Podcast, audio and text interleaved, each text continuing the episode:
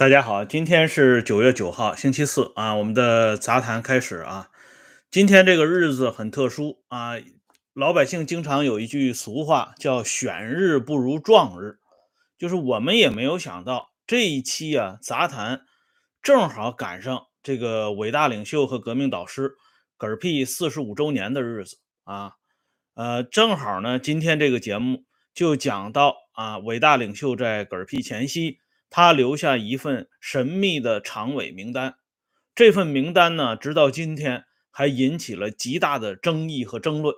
而这份名单里边排名最后一位常委，就是我们这个系列节目的主人公张玉凤。啊，今天的节目呢，呃，手机上有推送啊，订阅小铃铛的朋友注意一下。啊，那么现在呢，我们还是延续昨天没有讲完的话题。昨天说到张玉凤在一九七三年八月一号啊进医院呢生小孩这件事情，那么就提到毛泽东送给张玉凤一份特殊的礼物，这份特殊的礼物啊是什么呢？是一篮子仙桃啊。表面上看呢，这份礼物貌似啊没有多么了不得啊。可是这份礼物所代表的含义却是很深刻的，因为一般来讲啊，像这种大人物之间他们的交往啊，送东西不会轻易像我们这些普通人啊送点这个呃钱财物啊啊送一点这个啊平常很少能够拿得出来的东西啊，表示这种啊珍贵。大人物因为司空见惯了。很多东西在人家眼里根本就不算什么，所以他们之间的交往，送一些简单的东西，反而能够映衬出他们彼此之间的这种感情，或者是真实的关系。比如说，朝鲜的领导人金日成啊，就曾经送给毛泽东两筐苹果。这朝鲜呢产苹果，大家也都知道，但是咱们中国也产苹果。中国产的苹果一点不比外国的苹果差啊，甚至有的苹果像我们小时候吃的那种红星苹果还特别的好吃啊。但是金日成送的这个苹果它不一样啊，一方面呢是这个金日成自己亲手采摘下来的啊，这是经朝鲜人民伟大领袖的手摘下来的苹果。再一个呢，这个每个苹果上面它有字啊，刻的字，表达对中国人民伟大领袖的一种敬爱之情。所以这两筐苹果拿来以后，毛泽东呢就分给身边的这些工作人员呐等等啊，这件事情是有公开记载的。所以毛泽东送给张玉凤这篮仙桃，应该也属于啊非常珍贵的礼物啊。况且大家想一想。其他啊，在毛泽东身边工作的这些啊女同同志们，呃，是不是伟大领袖都会送给他们一篮子仙桃或者一篮子新鲜的水果呢？貌似呢还没有这方面的记载。如果有记载的话，那这些人肯定会喋喋不休地说，因为这是一个非常光荣的事情。包括毛泽东身边非常受信任的护士长吴旭军啊。好像他也没有回忆说他生小孩的时候啊，主席送给他什么样的礼物啊？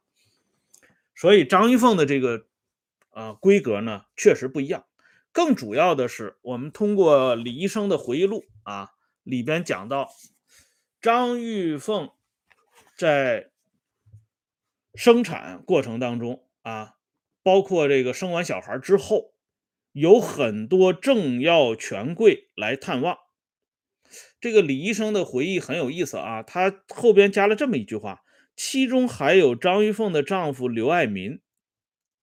呃，这个话很有意思啊，就是说这个政要权贵来探望啊，这个大家也是意料之中的啊。偏偏后边还有这么一句话，加上了张玉凤的丈夫刘爱民，貌似这个刘爱民似乎来探望自己的老婆张玉凤。倒是一个很稀奇的事情啊！不知道李医生在写这个回忆录的时候，他这个内心的心路过程是什么样的啊？呃，接下来的这段话也很有意思。他说，江青和张耀祠都去了，送了吃的和尿布等东西啊。而且李医生继续写啊，江青一再向张玉凤提出要及早的回去上班。张玉凤在产假期间由她的妹妹张玉梅代替工作。这一段记载很很宝贵啊，因为这段记载是非常真实的，包括张玉凤自己也承认这一点啊。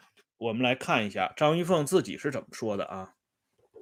张玉凤对来访者啊，他是这么说的：“他说呢，九月里的一天，主席派江青到他的住所里看望他，并传达主席的意见，对他说啊，接班的接替班的人不太理想，未能很好的照顾主席的生活，劝张玉凤早点上班。”啊，那么这一点呢，就直接证明了李医生的回忆是准确的啊！而且李医生的回忆录呢是非常早的公开的告诉大家，张玉凤的丈夫叫刘爱民啊，以前这方面的记载是没有的啊。那张玉凤的这个回忆跟李医生的这个回忆相吻合，关键点在哪里呢？在江青这里，大家想一想。江青是一个什么样的人物？在公元一九七三年，江青那个时候是风头十足啊！啊，他借着中央组织宣传组成员的这个身份，重新成为已经这个啊升级版的中央文革的女老板啊，再一次活跃在政治舞台上。而且当时这个时间段，一九七三年八九月份，这是什么时间呢？是中国共产党第十次全国代表大会召开前夕，啊，这个时候江青的个人啊政治声望和权力已经达到巅峰状态，因为刚刚打倒这个林彪，急需召开一次全国党代表大会，把林彪的痕迹从党史上、党章上啊，以及从其他方面上彻底的抹掉。所以江青这个时候风头十足，可是他居然能屈尊去看望张玉凤，啊，大家就想一想这张玉凤的重要性。而且李医生的回忆录里边还讲了一点，就是说，在张玉凤休产假期间，由她的妹妹张玉梅来代替她工作，这一点也很厉害。呃，我之前给大家讲过，二零一八年中央办公厅学习这个党课的时候，提到中办的一个先进模范人物叫徐业夫，就是毛泽东的机要秘书。徐业夫患病期间，他的老婆韩群也在中央办公厅工作，但是毛泽东没有指定韩群来接替徐业夫的工作，而是指定张玉凤代替徐业夫，成为自己临时的机要秘书。可是等到张玉凤休产假的时候，张玉凤的妹妹张玉梅就可以顶替张玉凤来照顾领袖。从这一点上看，张玉凤在党和人民心目中的地位要比已经去世的徐业夫夫妇俩重要的多啊！当然了，呃，虽然很重要，但是中央办公厅也不可能掀起一场啊学习张玉凤和她的丈夫刘爱民的运动啊。这实在是太说不过去了啊！那么接下来我们再看啊，昨天我们不是说到张玉凤七月三十一号，一九七三年七月三十一号这天，这个在她生产前最后一天，还在为领呃领袖服务吗？啊，这个事情呢，我们看一下毛泽东年谱啊，这个年谱很有意思啊。公元一九七三年七月。三十一号这一天啊，到八月一号这两天，就是跟张玉凤有直接关联的这两天，毛泽东年谱当中居然没有记载啊，没有任何记载啊，不知道这两天伟大领袖究竟有什么样的活动和生活，反正年谱是没记载。而且我们查对了一下啊，凡是这个呃几个重要环节上。这个领袖呢，呃，都领袖的活动都没有记载。接下来呢，我还会给大家呢，呃，继续讲下边这个两个小段子啊。大家到时候注意听就知道了。那么，我们现在看一下啊，这个张玉凤，当时据他自己说，他是不想再回去了啊，想借着这个休产假的时候呢，就把这个工作呢从毛泽东身边啊挪开。这是张玉凤后来自己说的啊。但是接下来呢，啊，这个情况又有所变化啊。张玉凤自己是这么说的啊。作为一名共产党员，服从革命需要是张玉凤的信念支持支持。就这样，张玉凤又克服了许多困难，回到中南海工作。啊，这是张玉凤对来访者这个访问的人的名字，我给大家说一下啊，要不然大家也不知道这个人是谁。总说来访者，这个人的名字叫阮继红啊，他是张玉凤当时接受他的。呃，采访啊，采访的时候，张玉凤是这么讲的，所以阮继红在公开的文章当中就是这么写的。也不知道啊，这个张玉凤呢，呃，克服了许多困难，到底是什么样的困难？也不知道他为什么突然就不想回到领袖身边工作了。但是后来呢，这个阮继红也好，以及再后来采访张玉凤的鲍春也罢。他们都提到一点，就是曾经有一位非常高级的啊中央领导同志啊提出，张玉凤是代表党来照顾主席的啊。这段话呢，应该也不是瞎编的，因为这是公开出版的东西，没有人敢编造啊中央负责同志或者是中央高层领导同志的批语和批示的。那么从这一点，我们就可以看到啊，别人照顾主席跟张玉凤照顾主席是不同的，因为张玉凤是代表党来照顾主席的，所以张玉凤必然会克服很多困难，回到中南海工作。接下来呢，阮继红的这篇文章写的也很有意思。他说，主席看见张玉凤回来工作，感到十分高兴。有一天。他在晚饭桌上啊，跟这个工作人员讲了政治上啊三起三落的太史公司马迁的故事，并不无感慨的引用了太史公的几句话。这几句话是什么呢？就是一死一生，乃知交情；一贫一富，乃知交态；一贵一贱，交情乃现。啊，这段话呢是出自于。《史记·吉政列传》啊，吉政呢，一个是指这个汉武帝时候的大臣吉案，另一个是正当时。在他们两个人的合体的这个传记当中呢，有这么一段话。毛泽东对这段话特别重视啊，他曾经把这段话批给周恩来看。据这个晚年周晚年周恩来作者高文谦先生的解读，就是说。毛泽东为什么批给周恩来看《史记》上这段话？是想鞭策或者是旁敲侧击提醒周恩来，在安排邓小平复出这个问题上，你不要啊，那个明面上啊说的挺好，但实际上不使劲儿啊，这实际上是敲打周恩来。那么啊，如果按照高文谦先生的这一解读的话，我们可以看到。毛泽东引用的这段话，一方面啊是在提醒自己的老战友，另外一方面也是具有极深厚的政治含义。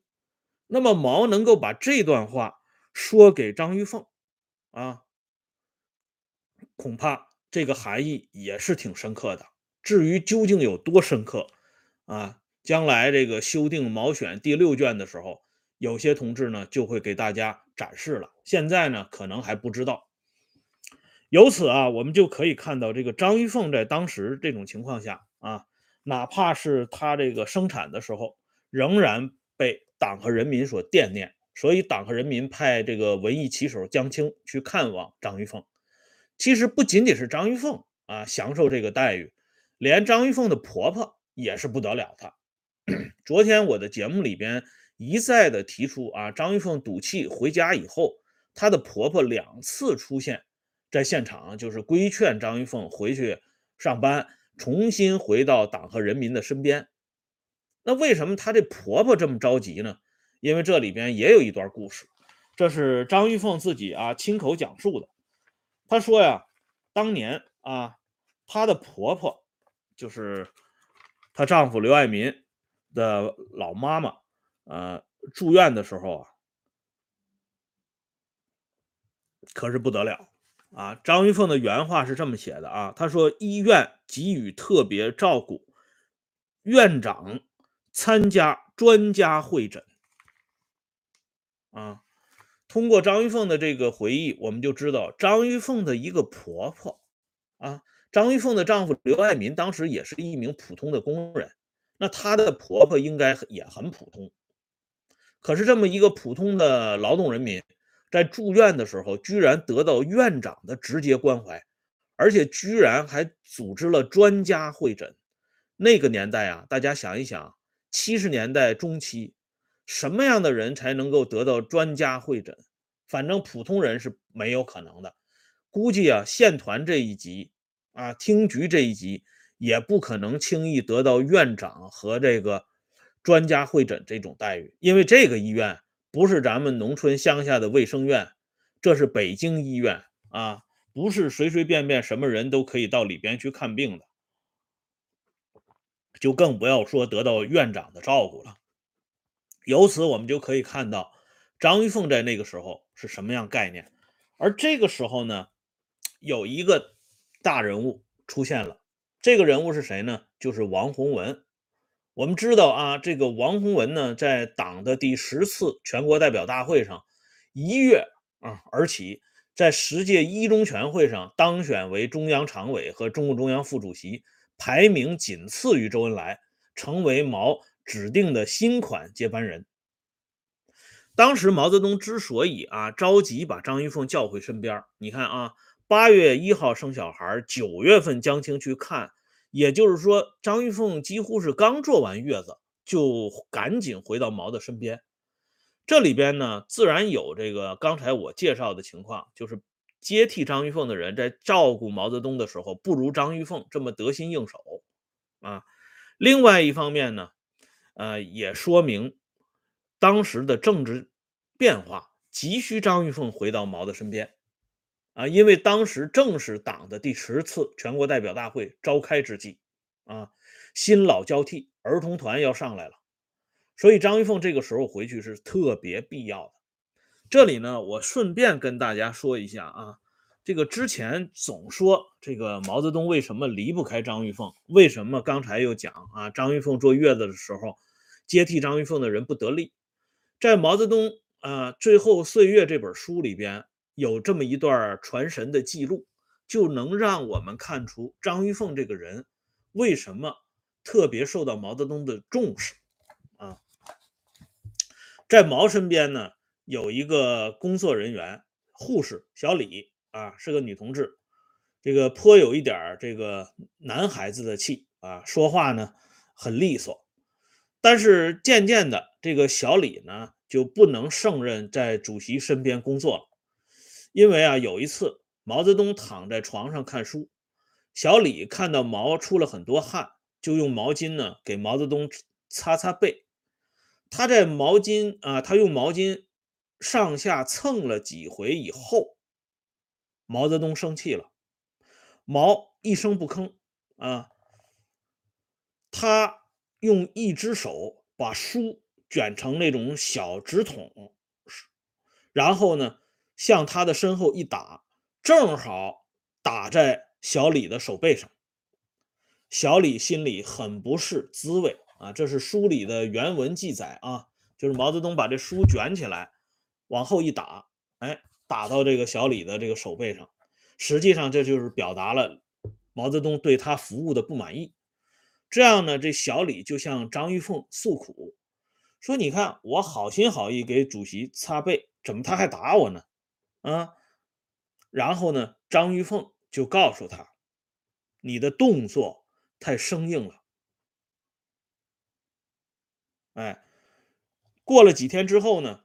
毛泽东在吃芒果的时候想起了护士小李，然后毛泽东，呃，吃了几口以后，就说剩下的这些芒果呢，送给小李去吃。啊，再过了几天，毛泽东再见到护士小李的时候，说了一句话，说那天呢，我脾气不好，啊，请你原谅。啊，小李自己呢，也赶紧啊，跟主席这个，呃，解释。但是时间长了以后，啊，小李呢，发现他不适合在主席身边工作，因为他的服务呢，还是让主席特别不满意。从这个例子里边啊，我们就可以看到，其实张玉凤不在现场，只是听到小李本人的一个描述，但是张玉凤一下子就能说出小李为什么没有讨主席欢心。为什么让主席觉得不满意的关键症结所在？从这个小例子当中，我们也可以看到，为什么毛泽东对张玉凤啊非常看重。不要小看这个照顾人的事情啊，这个照顾人的事情是很能说明问题的。那么接下来呢，我们就来看一下下面这段故事，就是王洪文当选为中央副主席之后。他跟张玉凤之间还有一段小故事，这是李医生的回忆录里边说到的。这段小故事很有意思啊，非常能够反映和折射出王洪文和张玉凤乃至毛泽东这三个人身上的一些特点。这王洪文在一九七四年有过一次著名的长沙之行，就是大家都知道的长沙告状。当时正在酝酿四届人大的人选问题，说白了就是国务院组成人员。哎，这样的话呢，江青让王洪文到长沙去看望毛泽东，顺便呢把他们商量好的人事安排，经毛泽毛泽东之手呢给定下来。所以这场著名的长沙告状，在党史上，特别是在文革史上，是占有极重的篇幅。而这个时候，张玉凤。已经进入到一个非常重要的角色当中去了。据张玉凤自己回忆啊，张玉凤说呢，呃，机要秘书徐业夫同志患有不治之症，住院治疗。呃，所以这个时期的秘书工作由我代理。张玉凤的这个回忆就说明，在一九七四年王洪文到长沙告状期间。张玉凤已经接替了徐业夫的工作，在毛泽东身边成为机要秘书。那么这个时候，王洪文到了长沙，就首先啊会与张玉凤对接，啊工作上啊一些大事小情都要通过张玉凤向毛泽东进行汇报。所以，这个王洪文和张玉凤之间就发生了这么一段很有意思的故事。呃，因为大家都知道啊，这个王洪文是吉林长春人，张玉凤呢是黑龙江牡丹江人。从这个东北地区这个角度来论呢，他们两个人算是东北的同乡啊，所以这两个人无论是语言呢等等啊方面都很容易接近。所以这个时候，张玉凤啊作为毛泽东的机要秘书，在王洪文眼中地位是相当重要的。因此呢。王洪文就提出一个啊建议，他说呀，因为张玉凤同志既啊代理这个徐业夫同志的工作，又同时呢要照顾毛泽东的起居和生活，太累了，太辛苦了，应该另外派人啊给张玉凤洗衣服、做饭，分担一下张玉凤的这种辛苦的工作。哎，这个应该讲啊，别人呢。提这个话似乎还不太合适啊！王洪文作为一个新当选的中共中央副主席，并且已经被毛指定为啊接班人的这么一个人，他提出来，这就显得这件事情呢非常的郑重。可是问题在于，王洪文他自己不想一想，为什么对毛泽东生活起居一向照顾的无微不至的周恩来不提这个茬儿？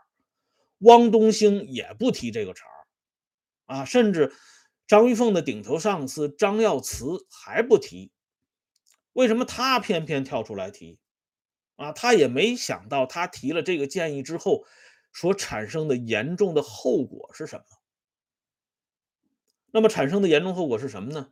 咱们留在明天接着说。今天的话题呢，讲到这里，感谢朋友们上来收看，欢迎大家关注“温相说时政”会员频道，周一到周日经常有更新。再见。